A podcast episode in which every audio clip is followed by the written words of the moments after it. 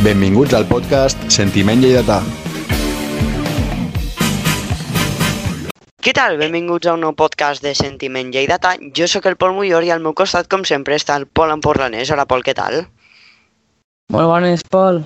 Avui, després de la derrota al camp d'esports per 0 gols a 3 eh, contra el filial de l'Espanyol, eh, us portem una tertúlia, una tertúlia molt interessant. Estarem amb l'Albert Viladegut, narrador dels partits de Lleida a Lleida en Joc. Hola, Albert, què tal? Què tal, Pol? Moltes gràcies per la invitació. Potser no és el dia doncs, més especial per a tots, però bé, també saber parlar quan les coses no van bé i encantat de ser aquí amb vosaltres. Igualment, així és. Uh, també ens acompanyarà amb aquesta tertúlia el Sergi Movic. Uh, ja el coneixeu, és com el pare dels panes. Molt bona tarda, Pols i, i Albert. Eh, és un plaer estar aquí, eh, ja, ja ho sabeu, i, i bé, després de la desfeta d'ahir toca sentar una mica de càtedra i, i, i explicar a la parròquia, a la parròquia de Lleida Esportiu eh, de què van les coses, no? Vinga, va. Uh, Pol, si et sembla, primer comencem a parlar d'aquest Lleida Esportiu 0 Espanyol B3. Doncs sí, perquè Lleida tornava a casa on presumptament estàvem forts i encadenàvem victòries consecutives. Veníem de perdre a fora contra la Unió Esportiva Llagostera. Doncs Lleida eh, va perdre per 0-3 contra l'Espanyol B. Repassem primer els 11 jugadors que van sortir per l'equip de Mono, que ahir sí, ahir, el dissabte, perdó, va estar a la banqueta, ja va eh, tornar després de la sanció de dos partits. Va sortir en Pau Torres a la porteria, José Ruiz tornava a lateral dret després de complir també la sanció per acumulació de grogues. A l'esquerra, Abraham Minero, parella de centrals com no per Simic i Abdullah Fol. Únic migcampista per Chavero, Torres i Yacer per mitja puntes, Cano a l'esquerra, Abel a la dreta i a dalt, Eneco Jauregui. Ahir Raúl González eh, suplent. Què us va semblar aquest 11? Bé, vam veure algunes rotacions, però sobretot en, en, de mig del camp cap amunt, eh? amb l'entrada de Jauregui, comentaves tu ara que Raül va començar la banqueta, però, per exemple, la defensa va ser la titular i tindrem temps de, de parlar-ne, però jo crec que la màxima preocupació ve per aquí, no? perquè la defensa titular doncs va ser la, no sé si dir culpable, el Sergi segurament dirà que sí, de, de la desfeta, sobretot d'ahir, amb, amb errors i desconnexions doncs, que, que fan molt mal. Tot i que això, doncs, reduacions de Neco, Jauregui, que a mi no em va semblar que va fer un mal partit dins del poc que es va salvar del, del Lleida Esportiu, doncs potser Sergi Neco Jauregui no va fer un mal partit del tot. Sí, estic d'acord. Al final, eh, com, bé, com bé dius tu, la defensa teòricament titular va ser qui va sortir ahir i, i les rotacions van venir a dalt, sobretot. Eh, sí, no, Eneco, Eneco, de fet, per mi és de lo poc salvable que va haver ahir. Sí. I, i penso que les rotacions fins a cert punt són bones, eh, més que res perquè eh, no crec que el nivell entre certs titulars i certs suplents sigui tan, tan diferent i al final per tenir tots els jugadors enxufats eh, ells has d'anar donant bola també, no? Eh, de manera que, que per mi és positiu, però bueno, que, crec, crec que l'atac de Lleida, més enllà del poc encert que en tenia ahir, eh, és el menor dels problemes, francament. Sí, A la, sí, sí. a la, a la banqueta hi havia Víctor Vidal, Adrià Pladevall, César Soriano, Marc Martínez, Joanet, Yang Liu, Quim Araujo, Álvaro González i Raúl González Cano, que el partit anterior no va ser titular, eh, doncs ahir va ser titular, juntament també amb Yacer i Abel, que es va lesionar als poc, als 25 minuts de la primera part. Eh, creieu, tant també Pol, eh, eh, la lesió d'Abel serà greu o serà molèsties musculars? Eh, es va tocar, crec, la, la cuixa esquerra, doncs què us sembla aquesta lesió d'Abel? Sí, jo crec que no hauria de ser molt greu, eh? vull dir, també el, el Sergi parlarà més segur de les paraules de, del president doncs que va deixar caure alguna cosa estranya sobre, sobre el canvi d'Abel, però bé, jo el que vaig, el que vaig poder percebre des del camp, sobretot quan, quan ja l'havien canviat, doncs Abel estava al costat de la banqueta explicant-li als seus companys el, el que li havia passat i feia com un gest de que s'havia pogut fer mal doncs, colpejant la pilota i es tocava la part de, de dalt, de la cama. Eh? Jo crec que seria més preocupant si es toqués, no sé, el, el bessó o alguna cosa així, perquè un trencament d'aquest tipus doncs, sí que et suposa ja unes tres setmanetes de baixa, però entenc que no hauria de ser res massa greu aquesta, aquesta lesió d'Abel i esperem perquè ara venen partits complicadíssims. Sí, totalment. Per les imatges que vam veure, vull creure i espero que no, que no serà res greu. Eh, i, I pel que fa al que ha comentat el president, eh, bueno, eh, ell té més informació que jo i, i no vull ser mal pensat tampoc, però bueno, vull creure que van ser molèsties puntuals i que no, que no es va borrar. Esperem que sí, perquè Abel Molinero al final és un dels jugadors més importants de la plantilla i a l'11 comentàvem que va jugar Neko Jauregui de titular. Raúl és que ho havia jugat tot, menys el partit de la Copa del Rei, i també és normal no? que, que vagi donant descans. Sí. Els Sí, tres perquè, gols... sí, sí, no, el tema, el tema de Raúl només una coseta, que al final sí. no, no va jugar a, a Marbella, tampoc crec que Olot no va començar de titular, són els dos únics partits, a més d'aquest de, dissabte, i és que ara doncs, venen partits de molt desgast, tots sabem el, el que comporta anar a Cornellà, que és un partit doncs, eh, que seguirà, ja m'atreveixo a dir, el mateix guió que el de Llagostera, molta pilota pues, volant el, el, el camp aquest de, del Cornellà i que Raúl, si és titular, que suposo que sí, doncs s'haurà de, de barallar cada 10 segons amb un central de dos metres del Cornellà i això doncs desgasta al final. I per què no veure Sí, sí. un, una doble punta algun dia amb Raúl i Eneco Jauregui des de Ahir? Ahir, quan va entrar Raúl González, eh, Eneco Jauregui va anar a la Sí, sí, banda i es va quedar davant de centre. Eh, Raúl, com dius tu, per què no provar eh, doble punta a dalt? El 4-4-1 no, no, no que Molo- un espai a la banda. El, perdó, el 4-1-4-1 per Molo és intocable, eh, sembla? Impecable, sí, sí. Jo us ho No. explico. A Jo us ho explico, si voleu. Perquè tenim un entrenador que és incapaç de modificar el plantejament inicial amb el que porta jugant tota la temporada, bàsicament.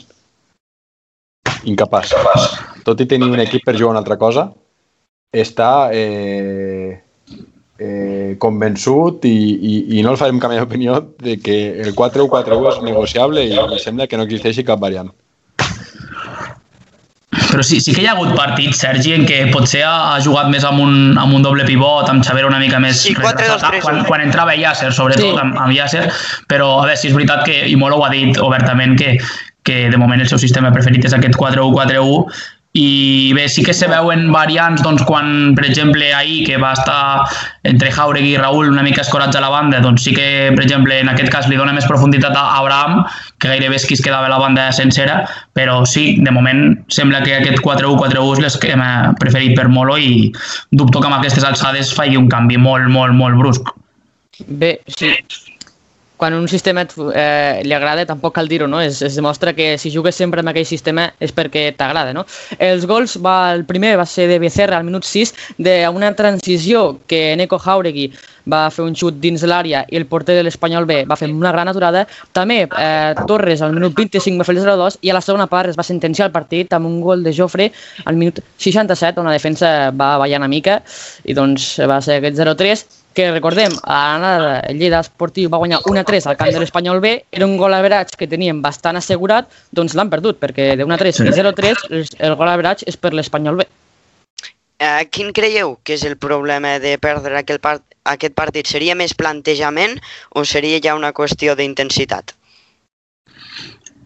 No sé com ho veurà el Sergi, però eh, jo és que van ser, podríem dir, pues, desconnexions puntuals, perquè sí que el Lleida va tenir l'ocasió claríssima que heu dit de, de Neko Jauregui al, just abans del gol, i, i tot i això, després del primer gol, jo crec que el Lleida no va reaccionar malament, no va reaccionar malament, però es va trobar amb un segon gol que sí que és una altra desconnexió claríssima perquè arriben fins a tres jugadors de l'Espanyol totalment sols a dins de l'àrea, vull dir, salta un jugador de l'Espanyol amb José i al final, si aquesta rematada a la porteria, lo normal és que el rebuig li caigui a un altre dels jugadors espanyols que, de l'Espanyol que hi ha dins de l'àrea i és el que va passar. I a partir d'aquí, doncs, amb un 0-2 sí que, sí que hi ha poca cosa, poca cosa van poder fer. Sí, estic, estic molt d'acord amb l'Albert. Vull dir, al final, per mi, per, francament, eh, ahir van perdre 0-3, però, però no, no penso que fos el resultat... Si parléssim de justícia d'alguna forma, no penso que fos el resultat més just, perquè penso que a nivell d'atac vam crear eh, les suficients ocasions com per almenys eh, mereixer, entre cometes, no? eh, marcar un gol, ni que fos. Vale? Tot i que no m'agrada molt parlar de mereixer i no mereixer, perquè al final eh, en el curt plaç pots tenir més o menys sort, però en el llarg plaç el futbol et posa al teu lloc. I, i a Lleida, doncs, eh, jo penso que se l'ha posat al seu lloc, i la derrota d'ahir ve donada, sobretot, eh, com diu l'Albert, per, per desconnexions puntuals de la defensa, que, que per cert va estar desastrosa. Eh, accions Sí. on queda retratadíssima la defensa, però molt retratada, i, i, bueno, i la falta d'encert a dalt. Per mi, un resultat just seria doncs, un, un a 3 o 2 a 3, pot ser, però, però és innegociable que l'Espanyol B va mereixer guanyar. És que va, va ser un des... El Lleida en defensa va ser un desastre. Va Sergi, ser un autèntic desastre. Sergi, me'n el- recordo al tercer gol que és un jugador de l'Espanyol, eh? a la frontal de l'àrea contra quatre del Lleida. El jugador Sí. de l'Espanyol Sí. xuta sol, Això. o sigui, xute normal. Exacte. Això Sí. es fa ràpid. Són, desconnectem i per coses així al final eh, perdem i per què no se'ns escaparà un playoff perquè me'n recordo la primera volta que amb errors defensius se'ns escapaven molts punts. Saps, saps I- què passa? i- i- Sabeu què passa? Eh, quan comença aquest tipus d'errors defensius eh, a aquestes alçades de temporada, a mi em dóna la sensació de que l'equip no està treballat. I un equip que no està treballat a aquestes alçades de temporada no mereix playoff. Les coses són així. Sí, sí, clar, Plantilla en tenim. Plantilla en tenim. El que ens passa és, jo crec que és una qüestió d'intensitat. Jo crec que ahir, O almenys fa- ahir. veia que faltaven aquella, aquella urpa, aquelles ganes de, de menjar-nos a l'espanyol. Parlant d'un altre error defensiu, no sé valtres, però el segon gol, eh, que hi havia tres jugadors de l'Espanyol B preparats per a l'àrea de Lleida xutar, estaven sols, sols per xutar i desconnexió defensiva, que és estrany perquè bueno, l'equip de Molo normalment és, és bo defensivament, però ahir jo crec que la veure bastant, bastant malament, com hem comentat ara. Comento ràpid els canvis que va fer el Lleida. Al minut 25 va sortir Abel Molinero per lesió i el va substituir a, a Álvaro González. Al minut 46 va sortir Xavero, va entrar Raúl González. Al minut 68 Quim Araujo va entrar per Yacer i a Marc Martínez per Albert Torres. I per últim, al minut 74 va sortir Eneco Jauregui i el va substituir Joanet. Vull comentar aquests canvis que com vau veure, per exemple, a Albert Torres, aquest fitxatge de- del mercat d'hivern, com el vau veure en aquest partit, Albert Torres? Bueno, eh, era, un, era un partit interessant per veure Torres, perquè sí que va ser titular la setmana passada al, al camp del Llagostera, però és un context totalment diferent de, de quan és titular al camp d'esports, que entenc que és un, un camp on pot explotar les seves majors virtuts Torres, doncs l'arribada a àrea contrària.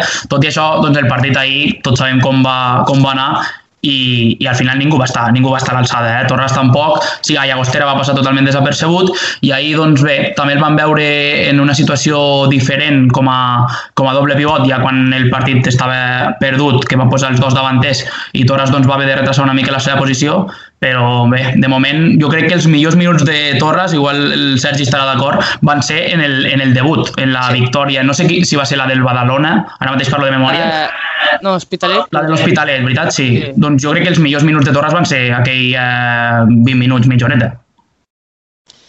Sí, clarament, jo també ho penso. A mi, a mi Torres personalment m'agrada molt. Penso que és boníssim, francament penso que és boníssim. Eh, ja el tenia vist de quan jugava l'Egea i, i és veritat, ahir no, no va estar massa lluit contra el Llagostera. Eh, bueno, donades les circumstàncies del terreny de joc i, i de com es planteja el partit, doncs tampoc. Però, però bueno, a, a mi personalment Torres m'agrada molt i, i per mi haurà de ser titular, la veritat.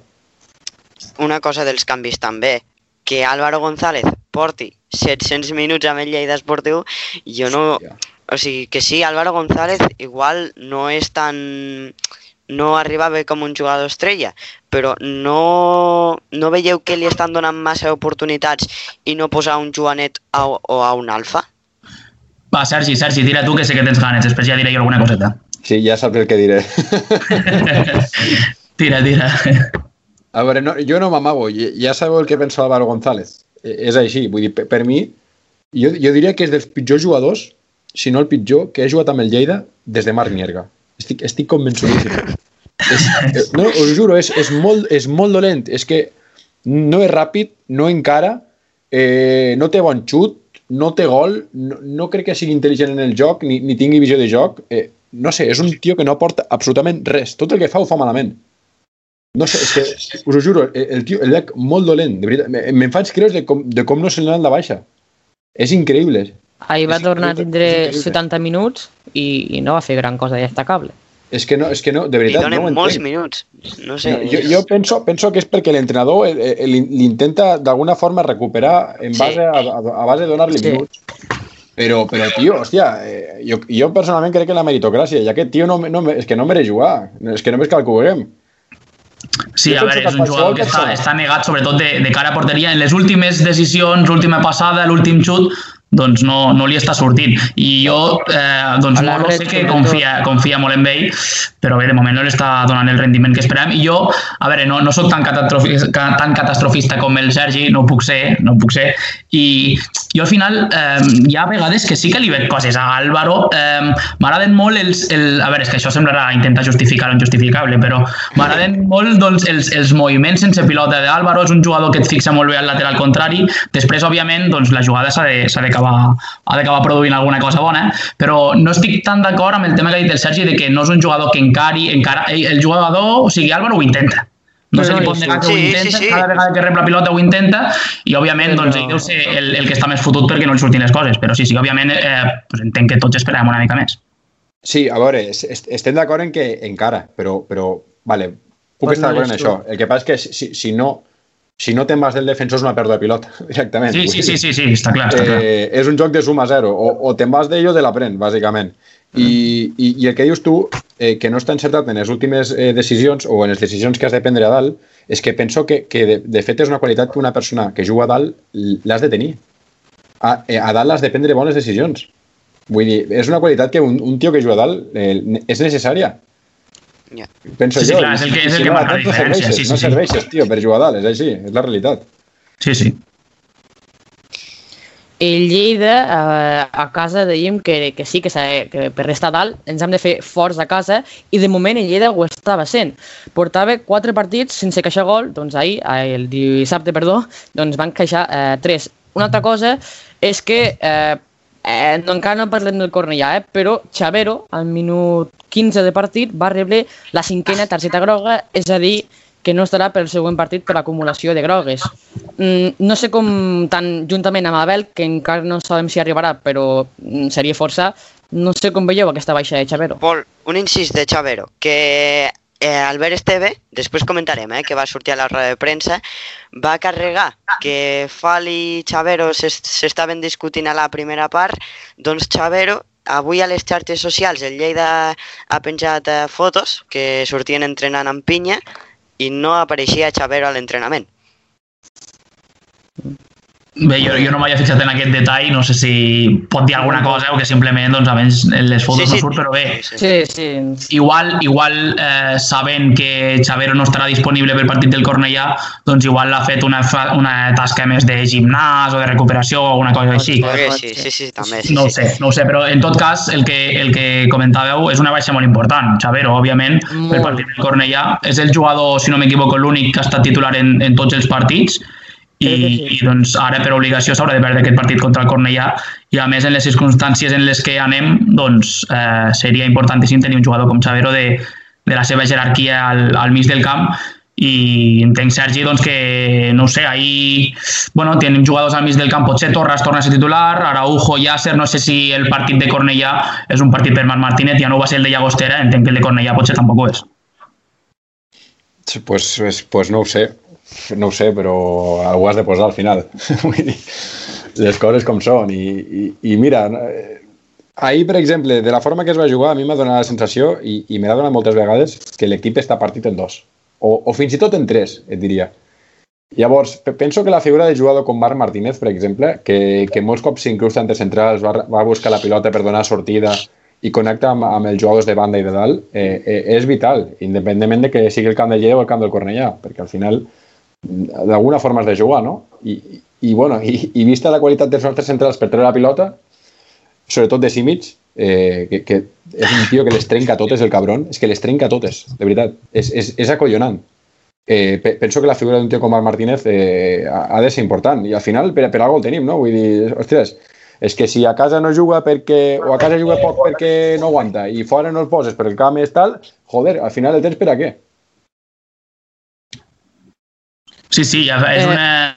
el tema del desplaçament en llarg també de Marc Martínez, en, en partits com el del Cornellà, doncs, bueno, tenir un jugador que te pot posar gairebé la pilota on vol, doncs hauria de- d'explotar una mica més, però al final, doncs, el- l'estat físic de Marc eh, porta molt temps condicionant el, el seu rendiment i és una llàstima perquè tots sabem de la qualitat que, que ha tingut Marc Martínez i la qualitat la segueix tenint, però doncs, per desgràcia no, no el podem aprofitar tot el, tot el que voldríem nosaltres i, i segurament Molo també pensa el mateix.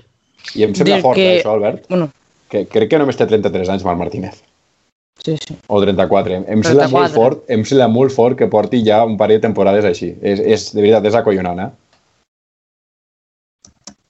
Sí, és, és complicat, és complicat perquè al final les fitxes professionals van cares, té 34 anys, ja ho acabo de buscar ara mateix, té 34 anys, Sí, sí. les fitxes van cares i, Ja, sí, sí. i, i, i és que necessitem de, necessitem de tots i ja en tenim una doncs, gastada amb, amb l'IU que doncs, no porta massa Bueno, al terreny de joc, no sé, si, no sé si fora sí, però al terreny de joc no, però tenir també doncs, la, la de Marc Martínez, que sí, sí, ojalà es pugui més, però estem veient que no, no és el cas.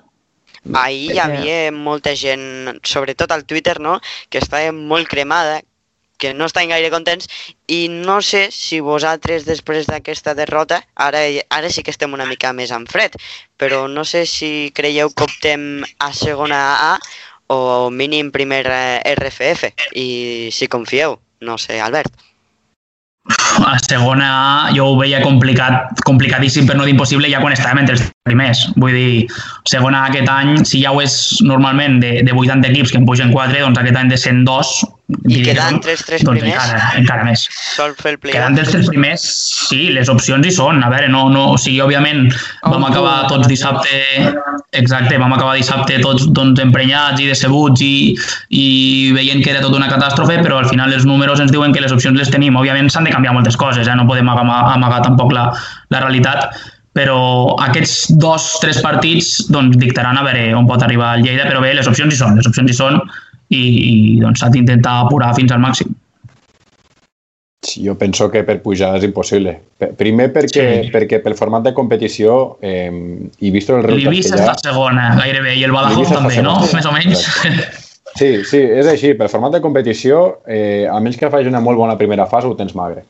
I, i vist com li estan anant a Lleida, encara que quedes tercer, eh, pujar a segona és una utopia, per no dir impossible. Dit això, el camí per arribar a primera Real Federació eh, és, més, és més fàcil, entenc, si quedes tercer que si quedes quart, evidentment. Però, però la tercera posició és una, tercera, és una posició que jo penso que tots els equips estan barallant per ella, menys eh, Prat i Olot, tots, tots els equips estan barallant per ella. Llavors, mm, optem a aquesta posició? Doncs, bueno, per, per plantilla, doncs, doncs suposo que sí, però de la mateixa manera que opten eh, els altres sis equips que estic parlant. Vull dir, llavors, sí. bueno, veurem, veurem. Eh, jo vull afegir una cosa del partit que eh, dèieu, comentàvem abans que del poc salvable va ser Eneco Jauregui, que, que no ho fa, va fer mal. Un altre jugador que, mi, que també és, per mi està dins de, del poc salvable és Abraham Minero. Jo el vaig veure bé eh, en el partit contra, contra l'Espanyol B, va arribar bastant a l'atac i algunes de les entrades el Lleida no, no les va saber aprofitar a Eneco Jauregui, però jo vaig veure bé Abraham, no sé què en penseu, si no esteu d'acord amb mi o, o, o sí, no sé.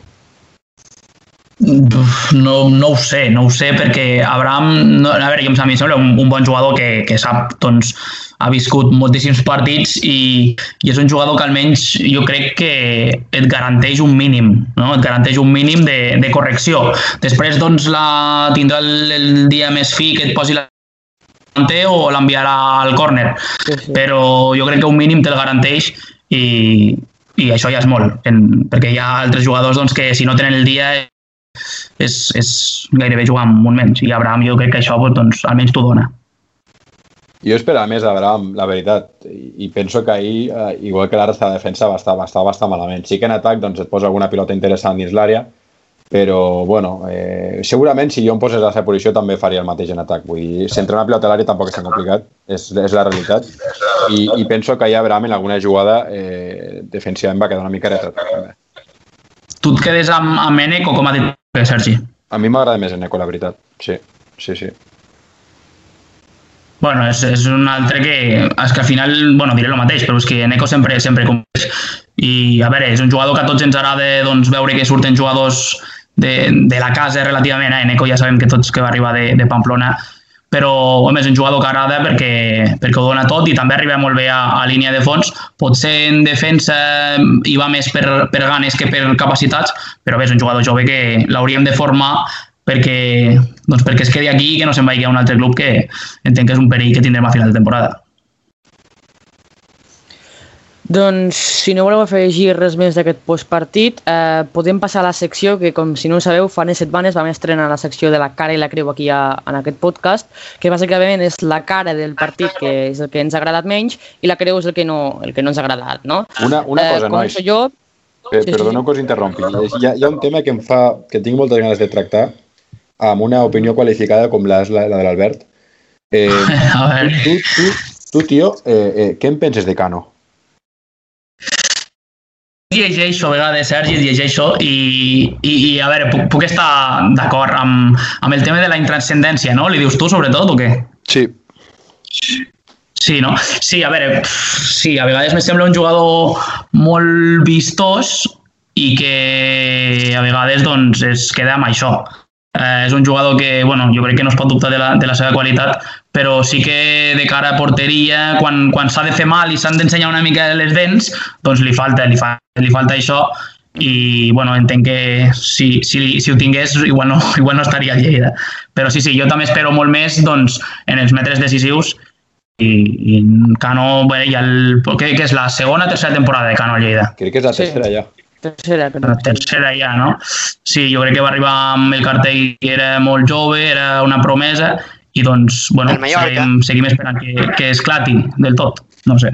Jo, jo crec que Cano, eh, si té el seu dia, ens pot solucionar un partit, no? com ho va fer, crec que no sé si va ser l'Espal Badalona o l'Espanyol B a, a la primera volta, però que si no, és, és un jugador que està desaparegut durant el partit. Jo crec que Però- l'estem veient moltes vegades. És un jugador, Pol, de, de minuts. O sigui, Sí, juga, està desaparegut. Mm, fa una jugada bona i alguns ja diuen partides de Cano. No sé si m'enteneu. Que... Sí, sí, totalment. Fa una ruleta o Sí. un tacó o un no sé què i diu, hòstia, Cano, és que és molt bo, Sí, eh? sí, sí, Tècnicament sí, sí. va sobrat. Mexicano. Bueno, tio, sí, per, jugar una patxanga amb els col·legues, pues sí, està de puta mare, no? Però, joder, és que és un tio que, de veritat, el, el veig que apareix poquíssim en el joc. És que hi porta sí. tres anys aquí i a, i a mi no m'ha demostrat res. No et nego que, que és un jugador amb qualitat, suposo, tot i que ta- tampoc l'ha ensenyat tantes vegades, o, o almenys ho ha ensenyat de manera estèril, però, però és que no sé, jo penso que un altre jugador estaria fora ja. De, de veritat, eh? Vull dir, a mi tampoc, no sé, no, no ha demostrat mereixer estar aquí tres anys, de, de veritat us ho dic, eh? Eh, penso que com a repulsiu igual serviria, però, però no com a titular, però vamos, ni molt menys. Jo el, que, jo el que li trobo a faltar una mica, i el, el mateix que em passa amb Abel, és una mica el, el caràcter de que quan van les coses malament doncs assumeixin més responsabilitats els dos. Tots sabem de, també de la qualitat d'Abel, però, doncs, com dic, en els dos jugadors jo espero que quan les coses vagin malament, hòstia, són el, els dos extrems de Lleida, un pot 10, l'altre l'11, vull dir, això s'ha de notar d'alguna forma, encara que sigui un número. I han d'agafar més la pilota quan, quan les coses no van com, com volem, han d'agafar la pilota, demanar-la, assumir responsabilitats i a vegades quan el partit va guanyant 2-0 això és molt fàcil, però quan vas perdent 0-2 doncs costa una mica més. Claro, claro, totalment. Vinga, va, si voleu anem a la secció de cara i creu, Pol. Doncs comencem. Bueno, eh, abans, per si no sabeu, vam estrenar aquesta secció, que és la cara, que és el que ens agrada del partit, i la creu, el que no ens ha agradat. Eh, començo jo, a la cara, eh, aquesta setmana no he ficat res, perquè crec que no s'ha de ficar res en aquest partit, perquè no hi ha ningú que, que hagi destacat. Sí, podem ficar que Neko Jauregui no va fer mal partit i del poc salvable, però jo crec que, que, que no és el, el millor dia per ficar algú a la cara. És el que t'anava a dir jo. Jo tampoc, que, o sigui, he dit, aquest jugador va destacar i me va encantar, però si algo salvable, algú que se salve de, de la creu de tot, doncs eh, jo posaria en Eco Jauregui, però no és que vagi a fer un partidàs, ni molt menys. No, no. I a la creu, eh, jo no he ficat jugadors, sinó completament la defensa, eh, podem dir els quatre de baix, o una mica un conjunt, que la defensa ahir no va estar encertada, eh, van ser errors defensius, i, i esperem una millora perquè, bé, hem d'estar millor defensivament per no encaixar tants gols que, que els necessitem per eh, sumar punts. Jo no soc la defensa, jo en general, tot l'equip, la intensitat no me va agradar, aunque, o sigui, amb, jo vaig veure alguns tuits que igual eh, dient quin horror, eh, quin ridícul de partit, jo tampoc ho vaig veure tan ridícul, No. Mm, no, no van fer un bon partit, però almenys no és que ens hagin fet un bany. No sé si penseu el mateix que jo. Sí, sí, jo just quan, quan, vam acabar, quan va acabar el partit, eh, encara en antena em van preguntar des de l'estudi, no sé qui m'ho va preguntar, si pensava que era el pitjor partit de la temporada. Jo pues, Sí, en sí, aquell va moment en calent partit. vaig dir que sí, vaig, vaig dir que sí en calent, però després pensant-ho dos minuts, i, i ho van comentar també des de l'estudi, per exemple, el partit del, del Nàstic, tot i que vam acabar empatant, jo crec que ens van superar bastant més que l'Espanyol i el partit del Cornellà... I el de a casa, Cornellà, el sí, és el que Cornellà, t'anava a dir. eh, els dos gols que van fer, doncs, bueno, el primer Abel es va treure un penal i a la segon, el segon li van regalar a Raül. Jo crec que en aquells dos partits ens van passar més per sobre que el partit de l'Espanyol, la veritat. És que ara no tenim penals. Estic, Sí, estic parcialment, estic parcialment d'acord amb vosaltres, amb el que comenteu del partit d'ahir, que, que, no va ser, que potser no va ser el pitjor de la temporada, però, però tot i haver jugat pitjor altres, altres dies, o haver fet menys en atac, sobretot, eh, altres dies vam competir el partit fins al final i vam arribar amb Eh, opcions fins al final. Sí. Ahir, en canvi, Sí, ens va sí, passar sí. això d'una manera que, Sí, que sí. vas arribar al minut Bé, bé, 60 o 70 és que, que- que, que ja no podies fer res, bàsicament. El si mirem els 25 partits de la, Sí. de la temporada, és, és un dels pocs on hem arribat al final i sí, ten, sense tenir opcions. Eh? Tot el Lleida ha estat un partit, un resultat igualat on podíem empatar. L'únic- no? l'únic partit en què no teníem opcions ja ni d'empatar ni de guanyar. És això que em al- refereixo al final. Això Jo, al minut refereixo. 25 de partit, anàvem perdent 0-2 i amb Abel Molinero lesionat. O sigui... Bé, Sí, abans... sí. Eh, sí, voleu comentar alguna més d'aquest tema o...? No, jo, jo volia recollir un tema que crec que s'ha mig parlat abans, però és que no, com no sé si, si ho teníeu pensat parlar després, el tema de la discussió entre Fal i Xavero. No sé si voleu parlar-ho després o, Vinga, o tiro per ara, sí, sí. Sí, sí, sí, Anem, ja que estem aquí, No, anem a parlar. jo volia preguntar-vos a vosaltres, que entenc que vau seguir també el partit doncs, per la tele, Sí. eh, que jo no, clar, no vaig poder veure repeticions ni res, no sé si per la tele es va poder veure després doncs, que havia passat, jo en el moment que vaig veure Sí. discussió no sé si ja portaven uns segons discutint o no, i sí que vaig veure que es cridaven quatre coses i, i que sí mig els, els mig separava, i després també, quan el Lleida va treure de, del mig del camp al gol, eh, que el van fer repetir, Xavero li va enviar una passada a Fal com, bueno, no sé, un, un gest doncs, que no, Sí. no tocava. No sé si vosaltres, Pols i, i Sergi, vau poder veure alguna cosa més des de la tele. Jo, mira, me'n recordo que al gol, just al gol, vaig veure a Fal fotent-li uns crits a Xavero que... que se, o sigui, no sé, al final jo ho trobo bé, perquè Fal, al final, has de... Has d'activar l'altre company. No sé si m'entens, no li diràs, vinga, va, la pròxima. No, li has de dir, joder, tio, espavila. Però, Bé, però Xavero també és crec que s'hagin aquí de, de matar. Jo sol vaig veure això, no sé tu, Sergi, si vas veure alguna més. Jo, la veritat, no em vaig entrar de res. És que no ho va dir el president, no em vaig entrar. Però, però de totes formes, a veure, no som un equip de xavals eh, en el que s'hagi de cuidar l'actitud i, bueno, l'actitud, perdó, el comportament entre companys. Estem aquí per guanyar i som professionals, però qual, entenc que les bronques eh, formen, part de, formen part del joc, també. Igual que a la feina, doncs, a un si no ho fa bé li peguen bronques, així de senzill, no? Sí. Jo, jo Entre- com entre Sergi, companys. eh, estava tan emprenyat que no em vaig fixar, tal com va acabar la, la primera part, no em vaig mirar més la tele eh, fins la segona perquè estava tan emprenyat que, Sí, que no, no em vaig fixar si es discutien, eh, veritat. Més enllà de que, Però- de que heu comentat, no sé res més. Clar, però dit això, ja us dic, desconec les formes en les que ho va fer i el que li va dir el que li va dir, de manera que tampoc puc jutjar-ho més. Doncs anem a parlar d'algo bo, anem a alegrar una mica el podcast, perquè el club, eh, bueno, a través de xarxes socials, concretament a Twitter, eh, van llançar una iniciativa de que les penyes i els aficionats anessin una hora abans al, pa, al camp d'esports per anar a deixar la seva pancarta, bandera, bufanda i així donar una mica de suport no, a, a l'equip. Um, tu, Albert, mm, bueno, des de la cabina no sé com ho vas veure i Sergi, no sé si tu vas anar-hi. Sí, a veure, bueno, començo sí d'això. Um, oh, joder, em va agradar, perquè jo és que fins fa tres mesos veia cada partit al Gol Nord, sabeu el que vull dir? Claro, jo, i jo era abonat de, de Gol Nord i doncs fins a aquesta temporada estic començant a narrar els partits, doncs també estava allà amb les penyes i animant i, i cridant durant els partits. Llavors, eh, bé, no sé, està, està bé que poc que es pot fer, que va ser deixar entrar el material i donar una mica de, de color i a l'escalfament també, no? si no m'equivoco, encara Sí. hi havia la gent per Sí. allà i, Sí, i vam sí, poder sí. animar una mica i bé, és, és el més a prop que, que hem estat de, de veure el camp, el, el, el camp d'esports amb una mica d'ambient. No sé el Sergi si estava per allà o què. No, jo, jo per desgràcia no estava allà. Jo, jo visc a Barcelona i aquest cap de setmana no, no estava per Lleida, però em sembla una iniciativa de puta mare. Tot i que si fos per mi ja faria mesos que estaríem entrant al camp, però, però la iniciativa la valoro molt positivament, sincerament, sí. Millor no posar-nos en política perquè al final eh, poden fer eleccions, pots anar a concerts i no sé què, però bueno, és igual. Això Jo, ja, ja saps eh, tot, no? Jo ni he votat, Jo- mira que m'importa. Jo igual, jo igual que el Sergi no vaig poder anar, però em sembla també una molt bon, bona iniciativa, que jo inclús ho hauria fet alguns mesos abans, perquè ja portem uns quants eh, mesos amb això, ho hauria ficat abans, però més vale tarda que nunca, no? Eh, em sembla molt bé. I, i qualsevol aficionat que va, que va tindre l'oportunitat d'entrar al camp per deixar les bufandes, jo crec que es va flipar, no? De tants mesos que no va poder entrar al camp, Sí. encara que hagin sigut 5 minuts, va ser increïble. Segura, eh, tu, Pol, crec que hi vas anar, Sí, i doncs, bueno, sí, sí, va vaig poder això. anar i, va ser molt guai. Eh, quan van sortir sobretot els jugadors, no sé, al final, 11 mesos després, el, ni que sigui 5 minuts, és Jolín, el club és una iniciativa molt xula. No, no sé si ho han fet ells, crec que ho va fer l'Alberto Hidalgo, que ho va proposar, però al final també podrien fer dóna'm a mi i jo ho penjo, no? Però no, van deixar entrar els aficionats i fer-se quatre fotos i saludar els jugadors. el Crec que Pol- està molt bé.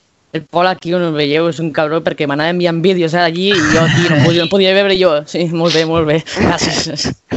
Sí, no, però jo, jo també valoro molt que el, que el, bueno, el club va estar ràpid recollint la, la iniciativa i, i ho va muntar amb no res. Eh? Igual, no sé, si haguéssim tingut un parell de setmanes, doncs igual s'hauria emplenat el gol nord de, de coses, però bé, Sí, sí, gairebé no? d'un dia per l'altre Sí, i, i està molt bé perquè Sí, jo entenc que, clar, no sé quant temps fa que no, que no heu anat al camp d'esports, entenc que des del març o així, no? L'últim partit sí, contra el sí, Villarreal, Des potser una mica abans. Villarreal, sí.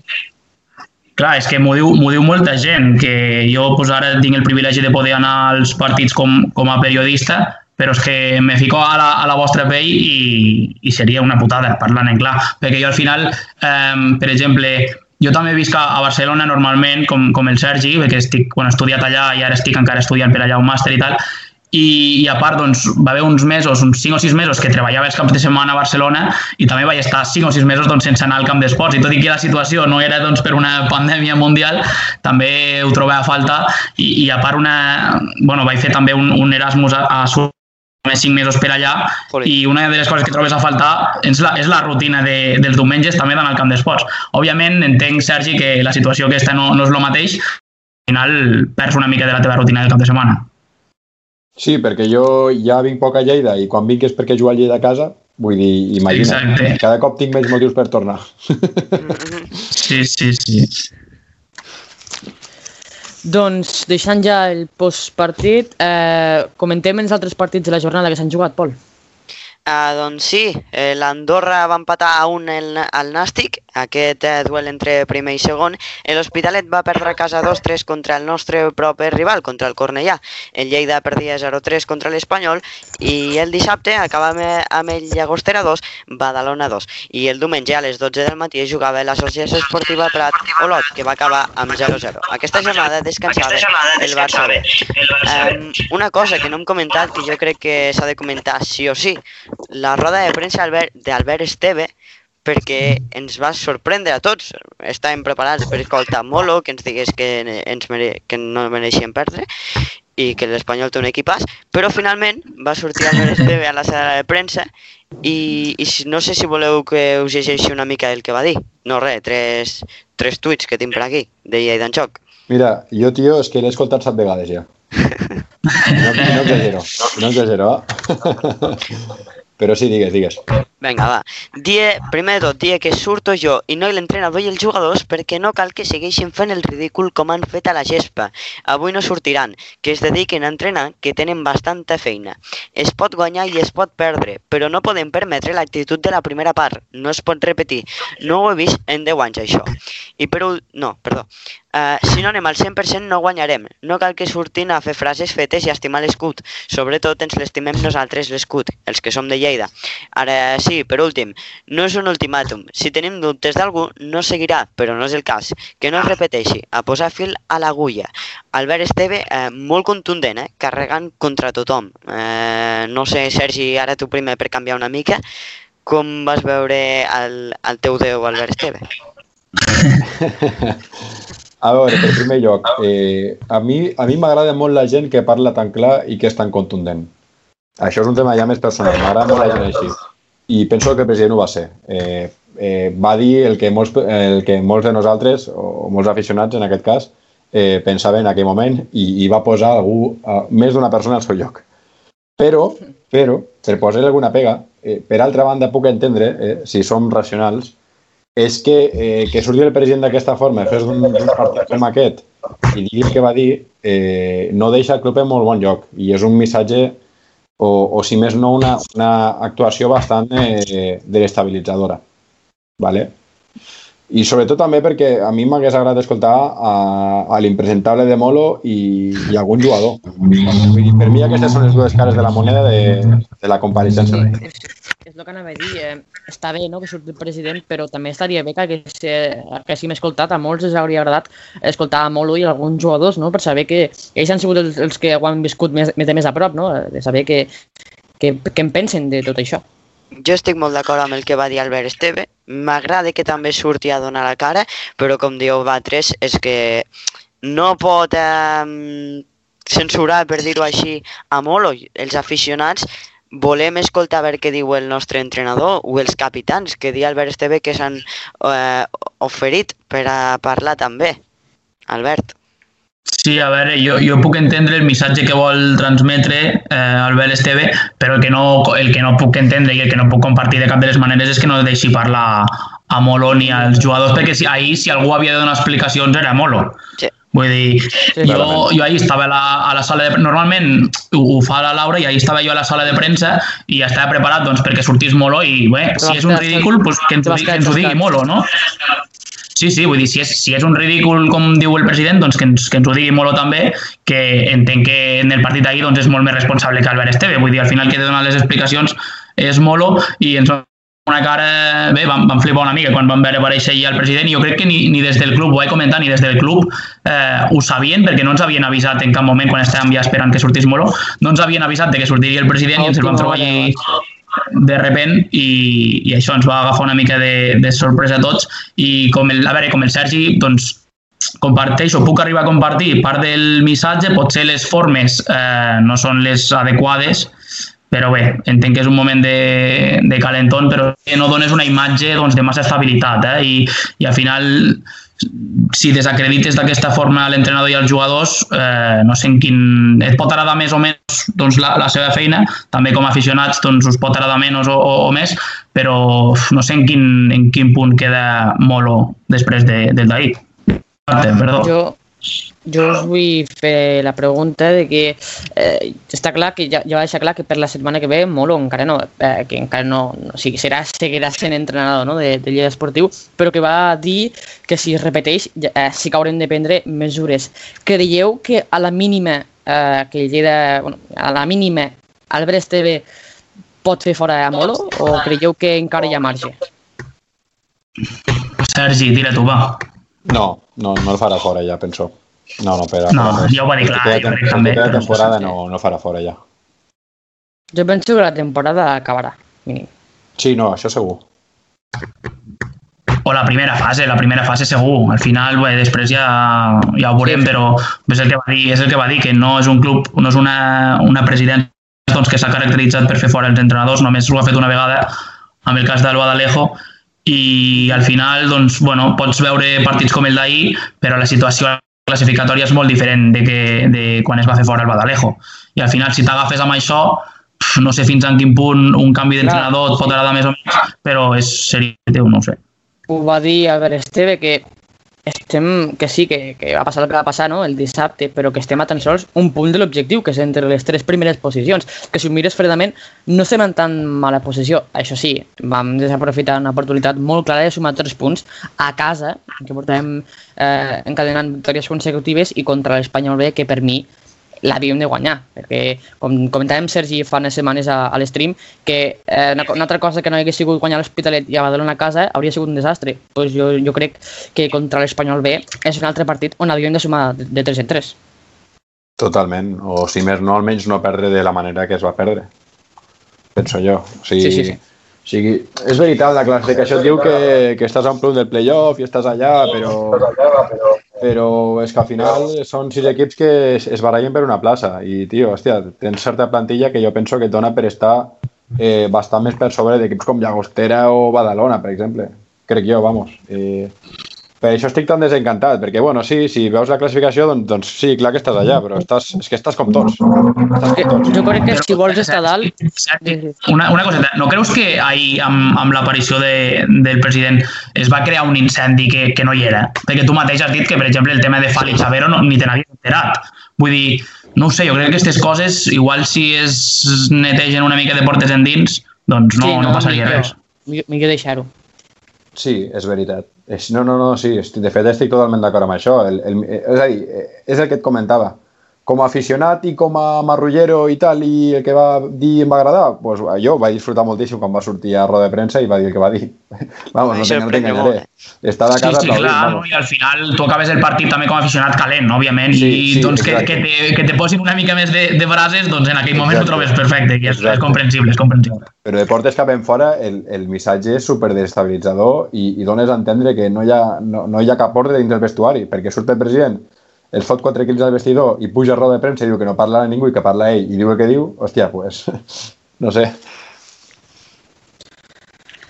Sí, Jo, sí, i al final eh, també vas comentar una mica el tema de, perdona, eh, Pol, que, que podia ser, eh, no sé si una cortina de fum de cara al proper partit, perquè al final, a la roda de premsa prèvia de, de Molo de- d'aquest divendres que ve, eh, vosaltres creieu que no se li preguntarà pel que va passar dissabte? Òbviament, Joder, vull dir... sí, Hombre, sí. seguríssim. Serà roda de no sé, 30 minuts. El, Sí, sí. el 80% de les preguntes doncs, aniran a, al que va passar dissabte i bueno, veurem si Crec- el club doncs, eh, donen la directriu de no respondre-les, però és que, és que la nostra feina al final la dels periodistes és preguntar aquestes coses. Si no ho preguntem nosaltres no ho farà ningú.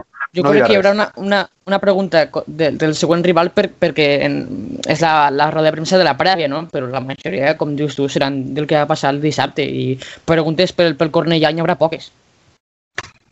És normal, al final Sí. passa el que passa, surt Albert Esteve a dir el que diu i, i, i la feina del, per, Clar. del periodista, com diu l'Albert, és preguntar per els temes d'actualitat i sobretot pel que va passar dissabte i a veure també com ha anat aquesta setmana d'entrenament. Eh, no sé si voleu afegir alguna d'aquest postpartit. Jo crec que més o menys, jo volia dir, no, que sobretot de, de la prèvia aquesta de, de divendres que ve, que és que aquesta jo crec que serà la, la que tindrà més visualitzacions de, de l'streaming. No sé si, si, si ho han fet també per, per pujar subscriptors i tal, però això els hi funcionarà bé. I a mi personalment doncs, me fa ràbia no poder dir ser, perquè ja fa temps que a les prèvies no hi puc ser perquè bé, divendres eh, estic a, a Barcelona i dijous també, així que m'és impossible, però bé, espero que els companys periodistes que puguin anar doncs preguntin el que tots. Com a aficionats volem saber i com a periodistes doncs, també voldríem preguntar si poguéssim. Envia-li un WhatsApp a l'Oriol. Sí. sí, sí. Bueno, bé, Bé, doncs, jo crec que hem sí, fet una bona repassada del postpartit. Eh, deixaria per aquí perquè, si no, encara farem un podcast de dues hores. Eh, Pol, comenta la classificació. Sí, vinga, comentem la classificació perquè al final el Lleida està quart a dos punts, a un punt, perdó, del, del playoff, però a dos punts del descens. Eh, primer el Nàstic amb 28 punts, 15 partits jugats. Segon l'Andorra amb 26, 14 partits jugats. Tercer, sorprenentment, tancat aquest, tancant aquesta zona per playoff a segona divisió A i plaça assegurada per a primera RFF, està el Badalona amb 20 punts, 15 partits jugats. Eh, quart, està el Lleida Esportiu, 19 punts, 14 partits jugats.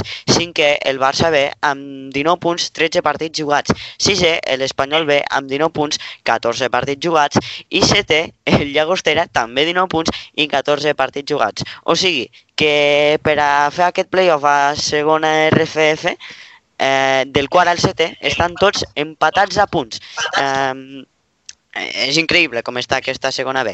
Anem al descens, amb aquesta zona de descens, vuitè l'Hospitalet amb, amb 17 punts, 15 partits jugats, nove el Cornellà, 16 punts, 13 partits jugats, deuè el Prat, 15 punts, 14 partits jugats, i per últim l'Olot amb 12 punts, eh, 15 partits eh, jugats, que l'Olot, eh, que va canviar d'entrenador i encara no ha sumat els 3 punts. Jo eh, vull comentar dues coses. Eh, que primer que el Badalona va acabar la temporada passada 17è, salvant les distàncies perquè eh, són dues temporades molt diferents, però acabant la temporada 17è, eh, aquí hauria de dir que, que estaria eh, possiblement per un playoff per la segona divisió A i també, que ho comentàvem fa unes setmanes, que l'Hospitalet va començar molt a dalt i que començaria a baixar, doncs eh, va perdre un partit que, le, que el tenia la butxaca contra el Cornellà i, i doncs estem veient que, que va cada cop baixant i ja està vuitè amb 17 punts, ja que encara té marge, doncs, doncs bueno, però ja la baixada ja i l'Olot últim, l'Olot últim, que és un equip que la temporada passada ho està fent molt bé. Anem a centrar-nos amb el Lleida, perquè he dit abans un punt al playoff de segona A i dos punts al descens. És, una, és un grup molt ajustat, és tot un... Vamos, és que la última jornada serà increïble. Té, Albert, des de la ràdio estareu fent un carrusel, eh? Vamos, serà impressionant, ja t'ho dic jo. Sí, alguna vegada que ho he comentat que per, de, per seguir des de fora és, eh, bueno, és apassionant aquest format perquè és el que comentava també el Sergi. Vull dir que una setmana estàs mirant cap amunt i, i l'altra ja has de mirar cap a baix. I això, doncs, bé, des de fora és divertit i, i al mateix moment perillós. Però bueno, explicarem el que passi al final, explicarem el que passi, no, no es queda una altra. I és, és que al final guanyes un partit estàs a dalt, perds un partit sí, i estàs sí. a baix. És que bueno, no sé, no sé. Tot, tot serà, estarà molt ajustat. No sé, Sergi, com veus aquesta classificació? Si ets optimista o, o si estàs una mica més trist. Bueno, intento ser optimista perquè al final eh, un té la il·lusió de que, el, de que el, el nostre equip, el, el nostre llit esportiu, doncs, surti cada cap de setmana i guanyi.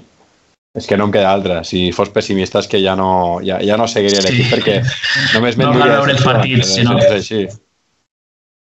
Però bueno, Bueno, va, a veure si agafem una mica de carrerilla amb aquest partit que juguem el pròxim diumenge a les 6 de la tarda al municipal de Cornellà. Un camp... Pol, eh, 6 i mitja, no? 6 i mitja. 6 i mitja. Que... A veure, 6 i mitja, no? Ho he dit bé? Sí, sí, sí. Vale, vale, Has perfecte. 6, crec. No, igual. Ah, perdó, perdó. Doncs a les 6 i mitja jugarem al municipal de Cornellà. Eh, amb un rival que no guanyem des de fa 5 anys. Ja sabem que el Cornellà és un equip molt complicat. Ve de guanyar 2-3 al Cornellà, ai, perdó, a l'Hospitalet i anem a repassar els resultats històrics. El Cornellà ha guanyat 6 cops, dos empats, al, dos, dos empats i 4 victòries pel Lleida. El partit de la primera volta va acabar 2-3 favorable als visitants. L'últim desplaçament va ser al, va ser l'any passat i se'l van endur els del Cornellà per un gol a 0. Um, no sé, um, hi ha dubtes amb el plantejament Bé. perquè a l'últim partit de Llagostera el plantejament no va ser el correcte, comentàvem. No sé com sortiríeu crec... a jugar vosaltres.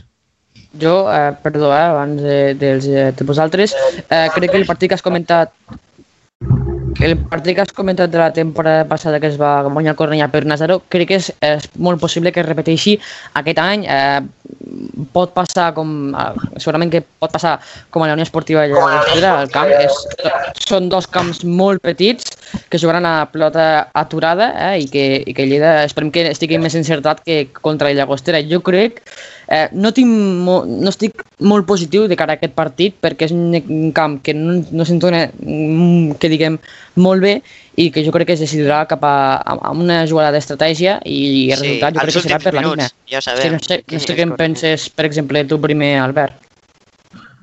Sí, jo no sé si Sergi tindrà la mateixa sensació, però jo sempre que he anat al camp de, del Cornellà surto cabrejat, surto emprenyat, sí. perquè és que veiem, veiem lo de sempre i sempre sempre acabem igual, perquè l'any que vam guanyar aquell amb, amb el gol de Ongu i no sé què més, sí.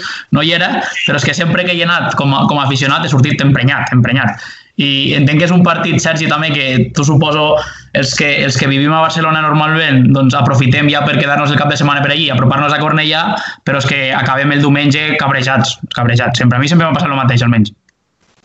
Sí, no, que la setmana que perdem a Cornellà ho saben hasta, hasta la Polinèsia francesa. Vull dir, Joder. Nicotitza, nicotitza, segur, no? Seguríssim, que nicotitza, ho han retirat dels cases d'apostes ja, perquè és seguríssim que, seguríssim que perdem. Segur, seguríssim, vamos, estic convençut. Vull dir, e, e, és com, com el que dèiem eh, de la setmana passada, Agostra, no? Eh, com el que deien Recordo la cova, no? És una pel·lícula que, que l'has vist moltes vegades, saps com acaba, i dius, hòstia, que no sigui un altre cop igual, i pam, cada any és el mateix. Sí, pues, sí. pues segur, segur. Tot i així el meu pronòstic és 0-1, com no podria ser cap altra forma. Vale, perfecte, una increïble.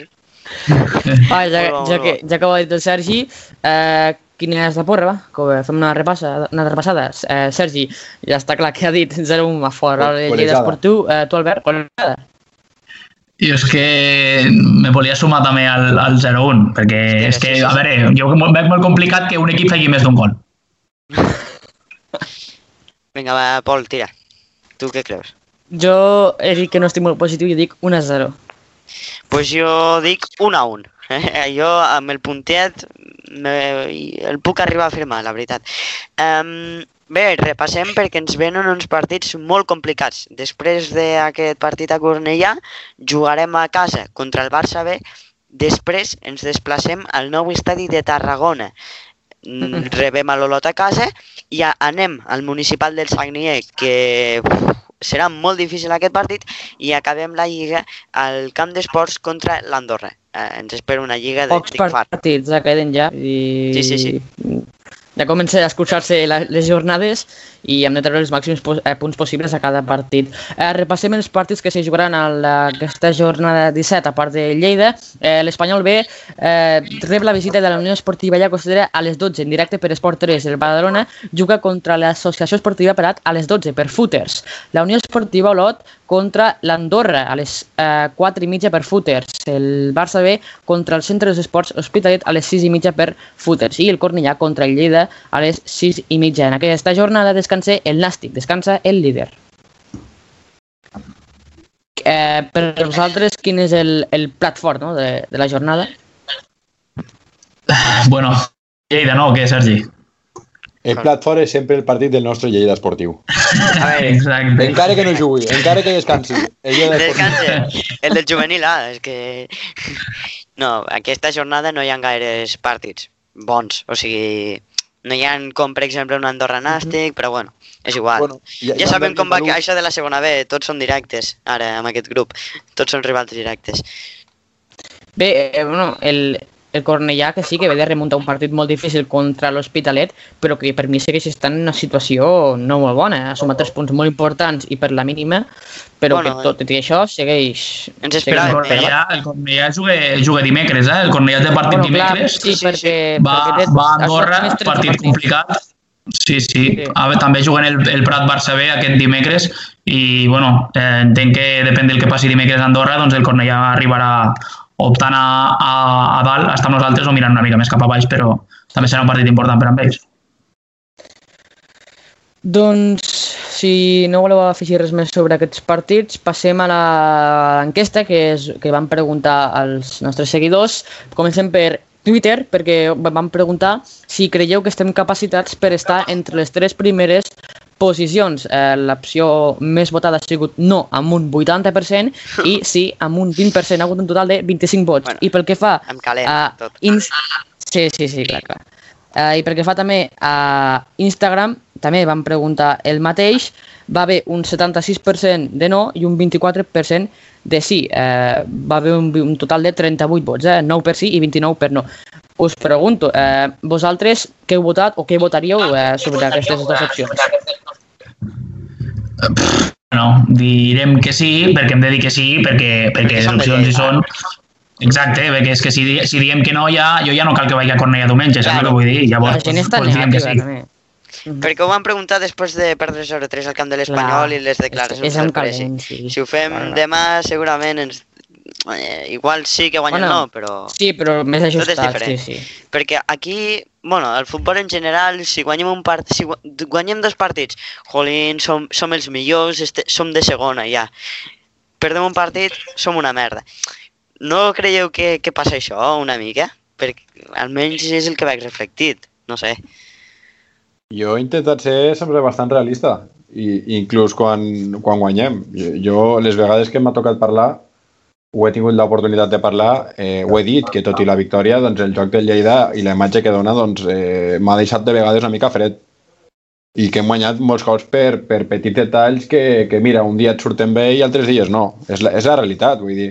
I, I respecte a si estan capacitats o no per quedar entre els primers, bueno, pues, pues sí, però de la mateixa manera que ho estan, eh, doncs 11 Sí, equips sí. no, no ho estan. Llavors, pues, Sí, sí, sí. pues Estic no som, estic és així. A mi va- el Badalona em va semblar una puta merda, igual que el Llagostera, però és que estan igual que nosaltres.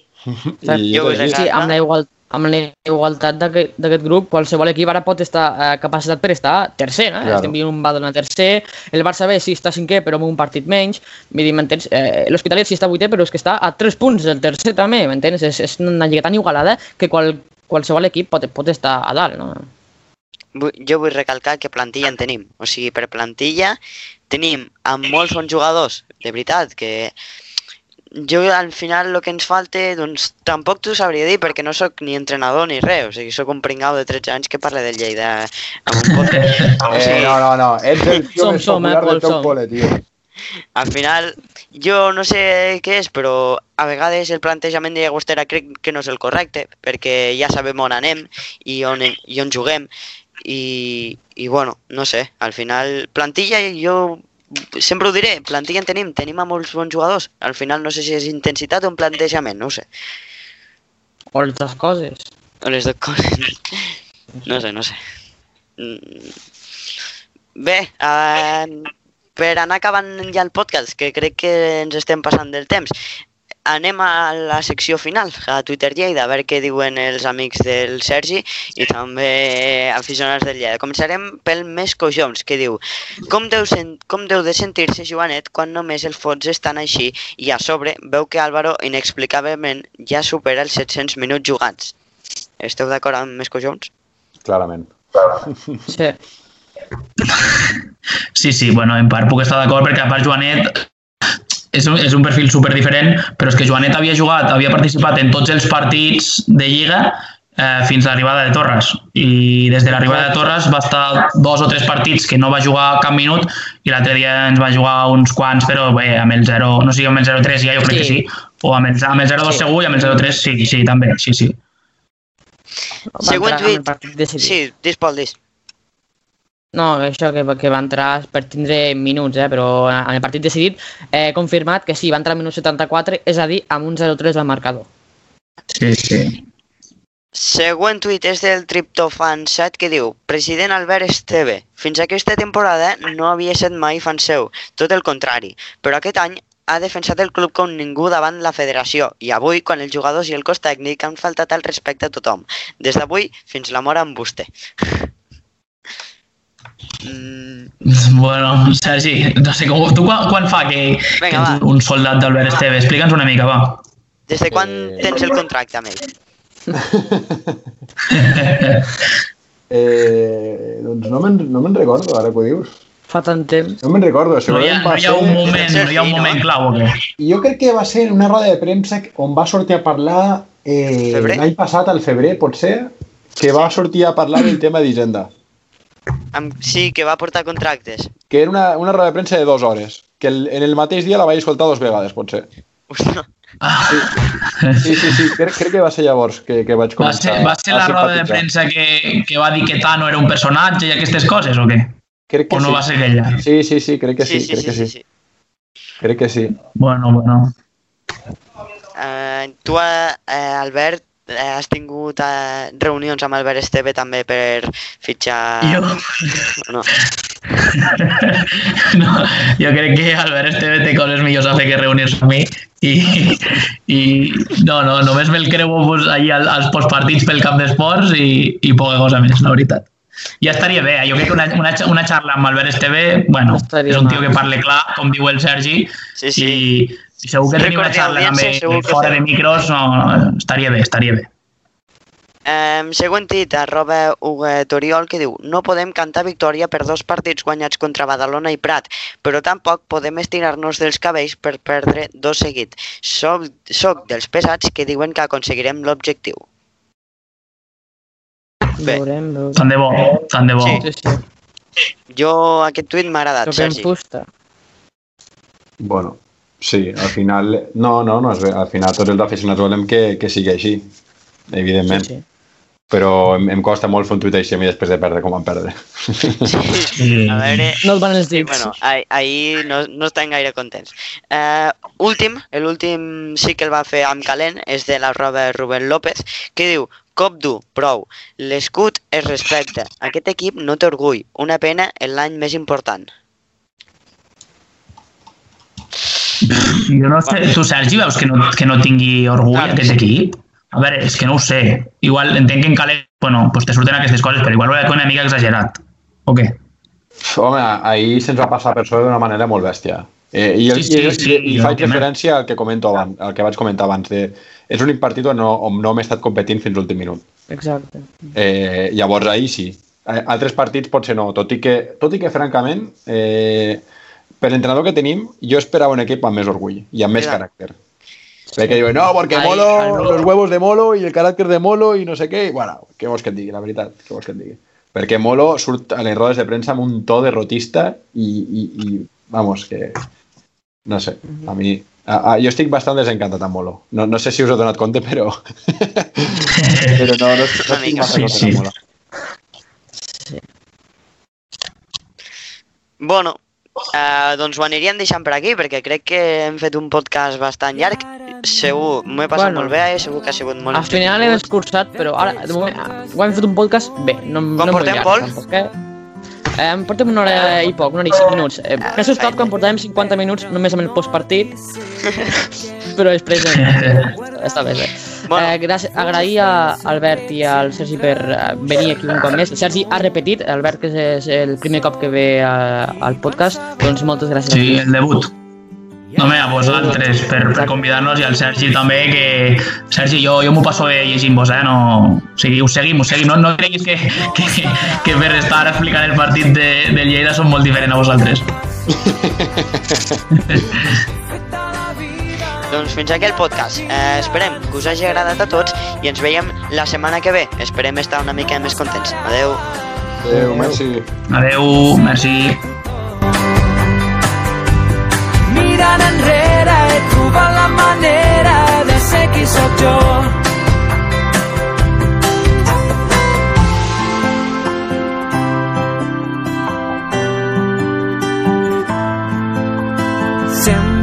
Tot ha començat fent un gran salt amb un comiat i sento que res serà com ahir.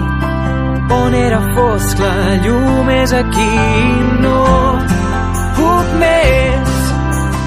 Res era com m'havia promès i sí ja ho sé. He començat la casa del revés i ara sé que els errors no són en va.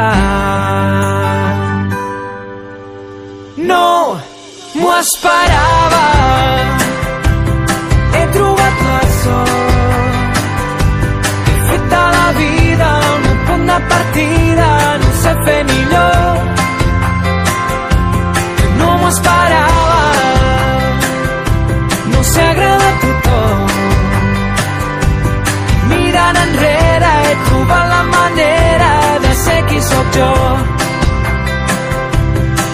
m'ho esperava, no m'ho esperava. He trobat la sort, he trobat la sort. He fet de la vida el meu punt de no ho. No m'ho no m'ho esperava. No s'ha agradat tothom, no s'ha agradat tothom. Mirant enrere he la manera de ser qui sóc jo.